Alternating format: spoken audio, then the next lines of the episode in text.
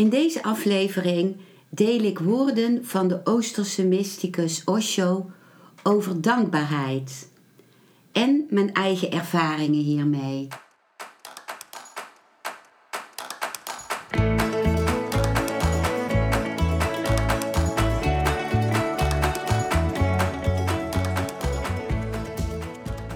Welkom bij een nieuwe aflevering van Modita's podcast Van Pijn naar Zijn.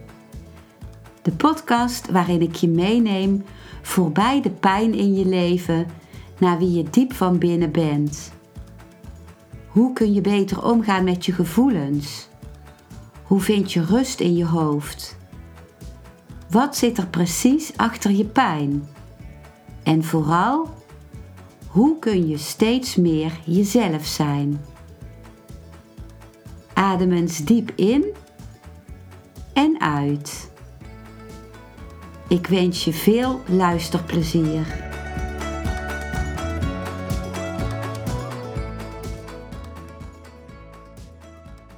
Ik begin met de woorden die ik ook heb gesproken in het filmpje op mijn YouTube-kanaal Modita van Zummeren met dezelfde titel als deze podcastaflevering. Dus hier komen eerst deze woorden. De waarde van dankbaarheid is zo groot. In feite is dankbaarheid het enige echte gebed. En er is altijd zoveel om dankbaar voor te zijn.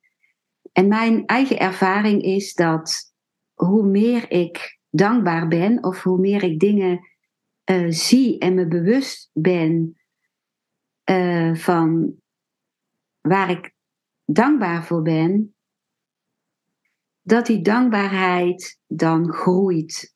Dat er steeds meer is waar ik dankbaar voor ben. En ik wil het verhaal vertellen wat ik hoorde van uh, mijn spirituele meester Osho. Die vertelde dat hij gelezen had over een Chinese non die aan het uh, uh, rondtrekken was en die in een klein dorpje kwam s'avonds. En zag dat ze die avond het volgende dorp niet meer kon bereiken. En ze ging bij mensen aankloppen van, zou ik mogen, mogen overnachten? Waren maar een paar huisjes in dat dorp. Want het was, een, het was koud in die tijd. Maar de mensen van die huisjes van dat dorp, die waren bang van haar omdat ze van een andere religie was. En die sloten allemaal hun deur voor haar. En toen ging ze naar, het, naar een veld en ze ging daar liggen en ze probeerde te slapen, maar ze kon niet slapen omdat het zo koud was die nacht. En ze lag daar en um, midden in de nacht opende ze haar ogen en zag ze de kersenboom die, waaronder ze lag, dat die helemaal in bloei stond. Prachtige bloesem die verlicht werd door de volle maan die daar doorheen uh, scheen. En dat was zo'n schitterend iets wat ze nog nooit gezien had. En haar hele hart vulde zich met dankbaarheid. Met hele grote dankbaarheid. En de volgende dag ging ze terug naar het dorpje. En belde ze bij alle huizen aan om de mensen te bedanken dat ze hun deur gesloten hadden gehouden voor haar. Ze zei: Dankjewel voor jullie liefde en compassie. Als jullie je deur niet gesloten hadden voor mij, zou ik dit schitterende niet hebben kunnen zien. En de kans was natuurlijk heel groot dat als je daar gelegen had in dat veld en in de kou, dat je ook gevoelens gehad zou kunnen hebben van, van haat en woede en, en, uh, en ondankbaarheid. Maar het mooie is om te zien wat er, wat er wel is. Wat, wat er is door het, ook het lijden dat je krijgt. Wat dat ook eh, geeft aan uh, schoonheid. Bijvoorbeeld toen ik vorig jaar een hele zware ribkneuzing had, waarbij ik een maand lang nauwelijks kon bewegen, was ik daar ook heel dankbaar voor, omdat het me zo in het moment bracht. En bij elke handeling moest ik kijken, hoe kan ik het doen? Hoe kan ik mijn arm bewegen? Of hoe kan ik um, in vijf minuten tijd heel langzaam tot opstaan komen? Uh, zonder veel pijn te hebben, dat bracht me steeds weer terug naar het moment. En uh, deze week uh, maakte ik ook nog iets mee eh, wat, waarvan ik wil delen dat iets wat een tegenslag leek, iets was waar ik uiteindelijk heel dankbaar voor was. Ik was naar mijn tante geweest, uh, voor wie ik ook mantelzorg doe. En ik zat in de trein terug. Of ik wilde de trein pakken bij een overstap. En er waren vertragingen en daardoor um, moest ik langer wachten voor de volgende trein. Maar dat betekent ook dat er dan heel veel mensen uh, toestromen, omdat die tijd langer is waarin we moeten wachten, die in die trein, volgende trein willen. En ik zag al dat er een klein treintje aankwam waarin heel veel mensen gedromd zouden zijn als ik daarmee mee zou gaan. En het was in de spits, eigenlijk op het eind van de spits, smiddags. En toen besloot ik om die trein te laten gaan en mezelf te verwennen, terug te gaan naar het perron in Den Bosch, naar het uh, Starbucks restaurant waar ze cafeïnevrije koffie hebben.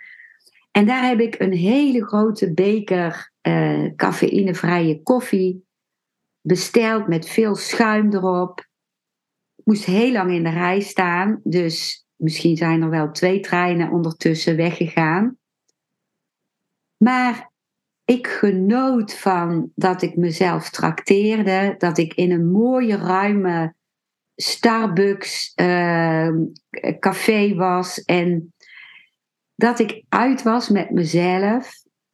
En toen kwam ik terug op het uh, perron. Uiteindelijk was dat perron heel leeg. De zon was gaan schijnen. De volgende trein die kwam was langer. En was bijna leeg. En daar zat ik voor het raam. Uh, met nog uh, het, de koffie die ik nog had van de Starbucks. Zat ik van de prachtige zon te genieten die door de wolken kwam en de weilanden bescheen. En ik was ook het drukken van alles wat ik gedaan had die dag voor mijn tante, uh, die ik had geholpen. En het vele dat ze me gevraagd had, want mijn tante is haar uh, geheugen aan het verliezen, dus dan stelt ze vaak dezelfde vragen. Dus ik was wel voldaan, maar moe. En door deze gebeurtenis kwam ik nu heel uitgerust thuis. En was ik weer verbonden met mezelf en met de natuur. Dus dat vind ik het mooie om in alles wat er gebeurt te zien waar ik dankbaar voor kan zijn. Mijn neef die had een uh, jaar geleden met de online community waar hij deel van was, uh, met studenten en waarin hij ook uh, leidend was, hadden ze een dankbaarheidschallenge georganiseerd van een maand. En ik deed mee, want er mochten ook niet-studenten meedoen die maand. En de hele maand gingen we elke dag erop letten waar we dankbaar voor waren. En uh, eens per week of uh, deelden we dat online met elkaar. En er was ook een Facebookgroep aangemaakt. En daarin deelden we onze dankbaarheidservaringen. En dat gaf zo'n boost. Dat was zo mooi om te doen. Ik ben nog steeds zo dankbaar aan mijn neef en aan deze studenten voor deze challenge. En ik voelde ook hoe die dankbaarheid groeide. En er is zoveel om dankbaar voor te zijn. Nu, als ik dit inspreek, is het de overgang van de winter naar de lente. En elke tak, elke boom waar ik langs loop, zie ik al kleine knopjes komen. En de vogels die zomaar zingen. En mijn lichaam wat kan bewegen, wat, wat zomaar beweegt en kan dansen, kan denken. Het, mijn hart dat klopt. Ik ben heel dankbaar. En ik weet dat er uh, tijden zijn waarin dat veel moeilijker is om bij die dankbaarheid te komen. Als je iemand verloren bent waar je heel veel van hield, als je depressief bent, als je lijdt aan eetproblemen, dat zijn de dingen die ik ken uit mijn leven. En toch nodig ik je uit om te kijken op één dag drie dingen waar je dankbaar voor kunt zijn. Dit waren de woorden van mijn YouTube-filmpje. Nu lees ik een parabel voor, de parabel van de boer en het koren, die ik uh, ontvangen heb van Osho. En dat vind je ook, uh, die parabel, in de Osho Transformatie Tarot. Dat zijn tarotkaarten met teksten van Osho daarbij. Dus hier komen Osho's woorden over deze parabel. Je ongelukkig voelen betekent alleen dat dingen niet kloppen met je verlangens.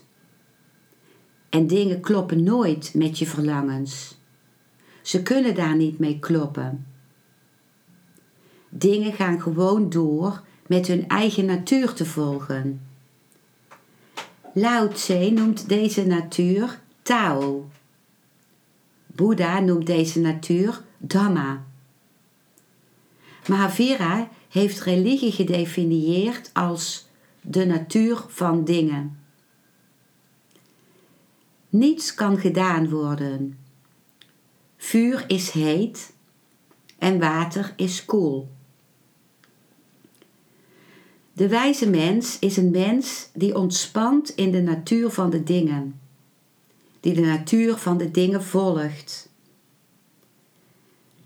En wanneer je de natuur van de dingen volgt, wordt er geen schaduw geworpen.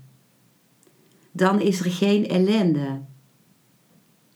Zelfs droefheid is dan lichtgevend. Zelfs droefheid heeft dan een schoonheid. Niet dat er geen droefheid zal komen. Het zal komen, maar hij zal niet je vijand zijn. Je zult vriendschap betonen aan de droefheid, omdat je de noodzaak ervan kunt zien. Je zult de gratie ervan zien. En je zult in staat zijn te zien waarom het er is en waarom het nodig is. Ik heb een oude parabel gehoord. Hij moet heel oud zijn, want God leefde in die dagen op de aarde. Op een dag kwam er een man naar hem toe, een oude boer, en die zei: Kijk, je mag dan wel God zijn en de hele wereld geschapen hebben, maar één ding moet ik je zeggen: je bent geen boer. Je kent zelfs het ABC niet van de landbouw. Je hebt iets te leren. God zei: Wat is je advies? De boer zei: Geef me een jaar de tijd en laat de dingen gebeuren zoals ik het het beste vind. En zie wat er gebeurt. Er zal geen armoede meer zijn. God vond het goed en gaf een jaar aan de boer. Natuurlijk vroeg hij om het beste. Dacht hij alleen aan het beste. Geen donder, geen harde wind, geen gevaar voor het gewas. Alles was comfortabel, behagelijk en hij was heel blij. Het koren groeide zo hoog. Wanneer hij zon wilde, was er zon. Wanneer hij regen wilde, was er regen en zoveel als hij wilde. Dit jaar was alles goed, wiskundig goed. Maar toen het koren geoogst werd, zat er geen graan in. De boer was verbaasd. Hij vroeg God: Wat is er gebeurd? Wat is er verkeerd gegaan? God zei: Omdat er geen uitdaging was. Omdat er geen conflict was. Er was geen wrijving. Omdat je alles vermeed wat slecht was. Daarom bleef het koren impotent. Een beetje strijd is een must. Stormen zijn nodig. Donder en bliksem zijn nodig. Zij schudden de ziel in het koren op. Deze parabel is van enorme waarde. Als je alleen maar blij bent en blij en blij, zal blijheid alle betekenis verliezen. Het zal zijn als iemand die met witte kalk op een witte muur schrijft. Niemand zal het ooit kunnen lezen. Je moet op een zwart bord schrijven, dan wordt het duidelijk. De nacht is net zo hard nodig als de dag. En de dagen van droefheid zijn net zo essentieel als de dagen van blijheid. Dit noem ik begrijpen. Wanneer je het eenmaal begrijpt, dan ontspan je. In die ontspanning is er overgave.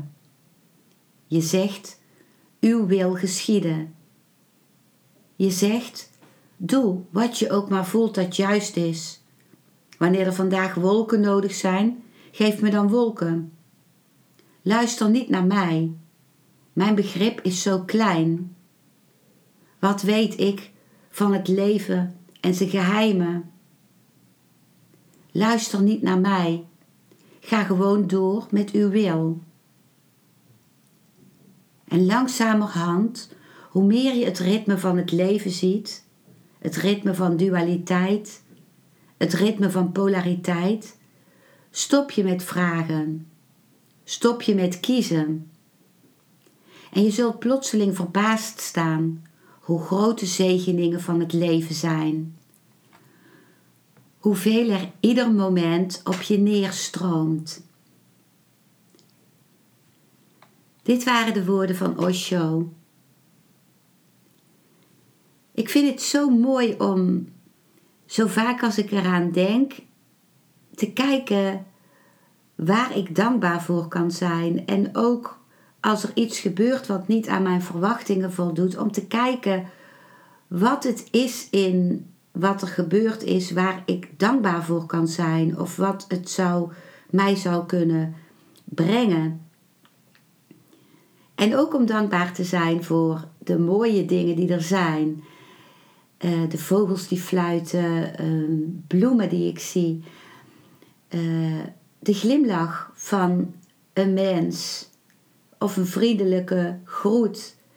Of dat ik zomaar kan bewegen, dat ik zomaar als ik daar opdracht toe geef, dan bewegen mijn vingers zich en mijn lichaam die draagt mij als ik loop en ik ben in staat om dingen aan te raken, te mogen ruiken, uh, voelen, uh, alle kleuren te zien en um, om te kunnen horen, luisteren naar de muziek. En ik ben heel dankbaar voor dat ik een kans heb gekregen om in dit lichaam op aarde te komen, om zoveel te mogen ervaren. En ik ben dankbaar voor Osho ook, dat hij uh, mij zoveel geeft wat mij in, in diepere verbinding brengt met mijzelf, met mijn zijn. En die me helpt alles af te pellen wat niet bij mij hoort. Wat conditioneringen waren die me opgelegd waren.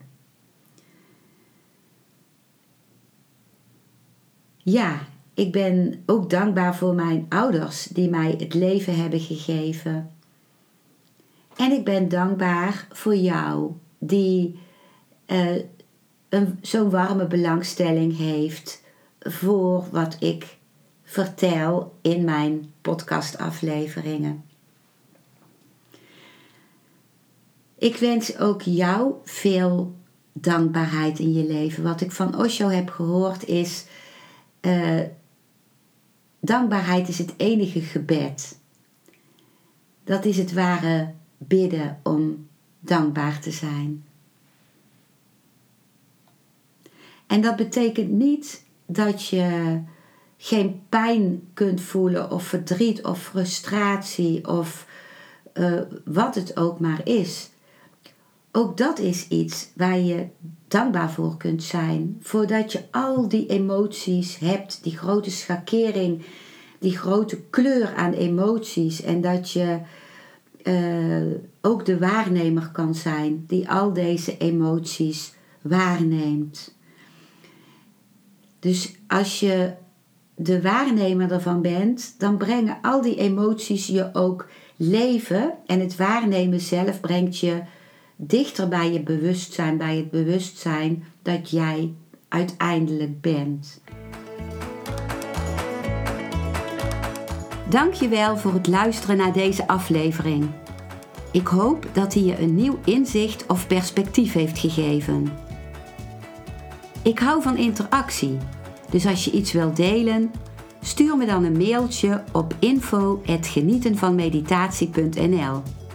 Ik geef je dan altijd antwoord. Ik wens jou dat je vreugde in het dagelijks leven zult ervaren en innerlijke rust. En dat je steeds meer je pijn zult kunnen omvormen in zijn.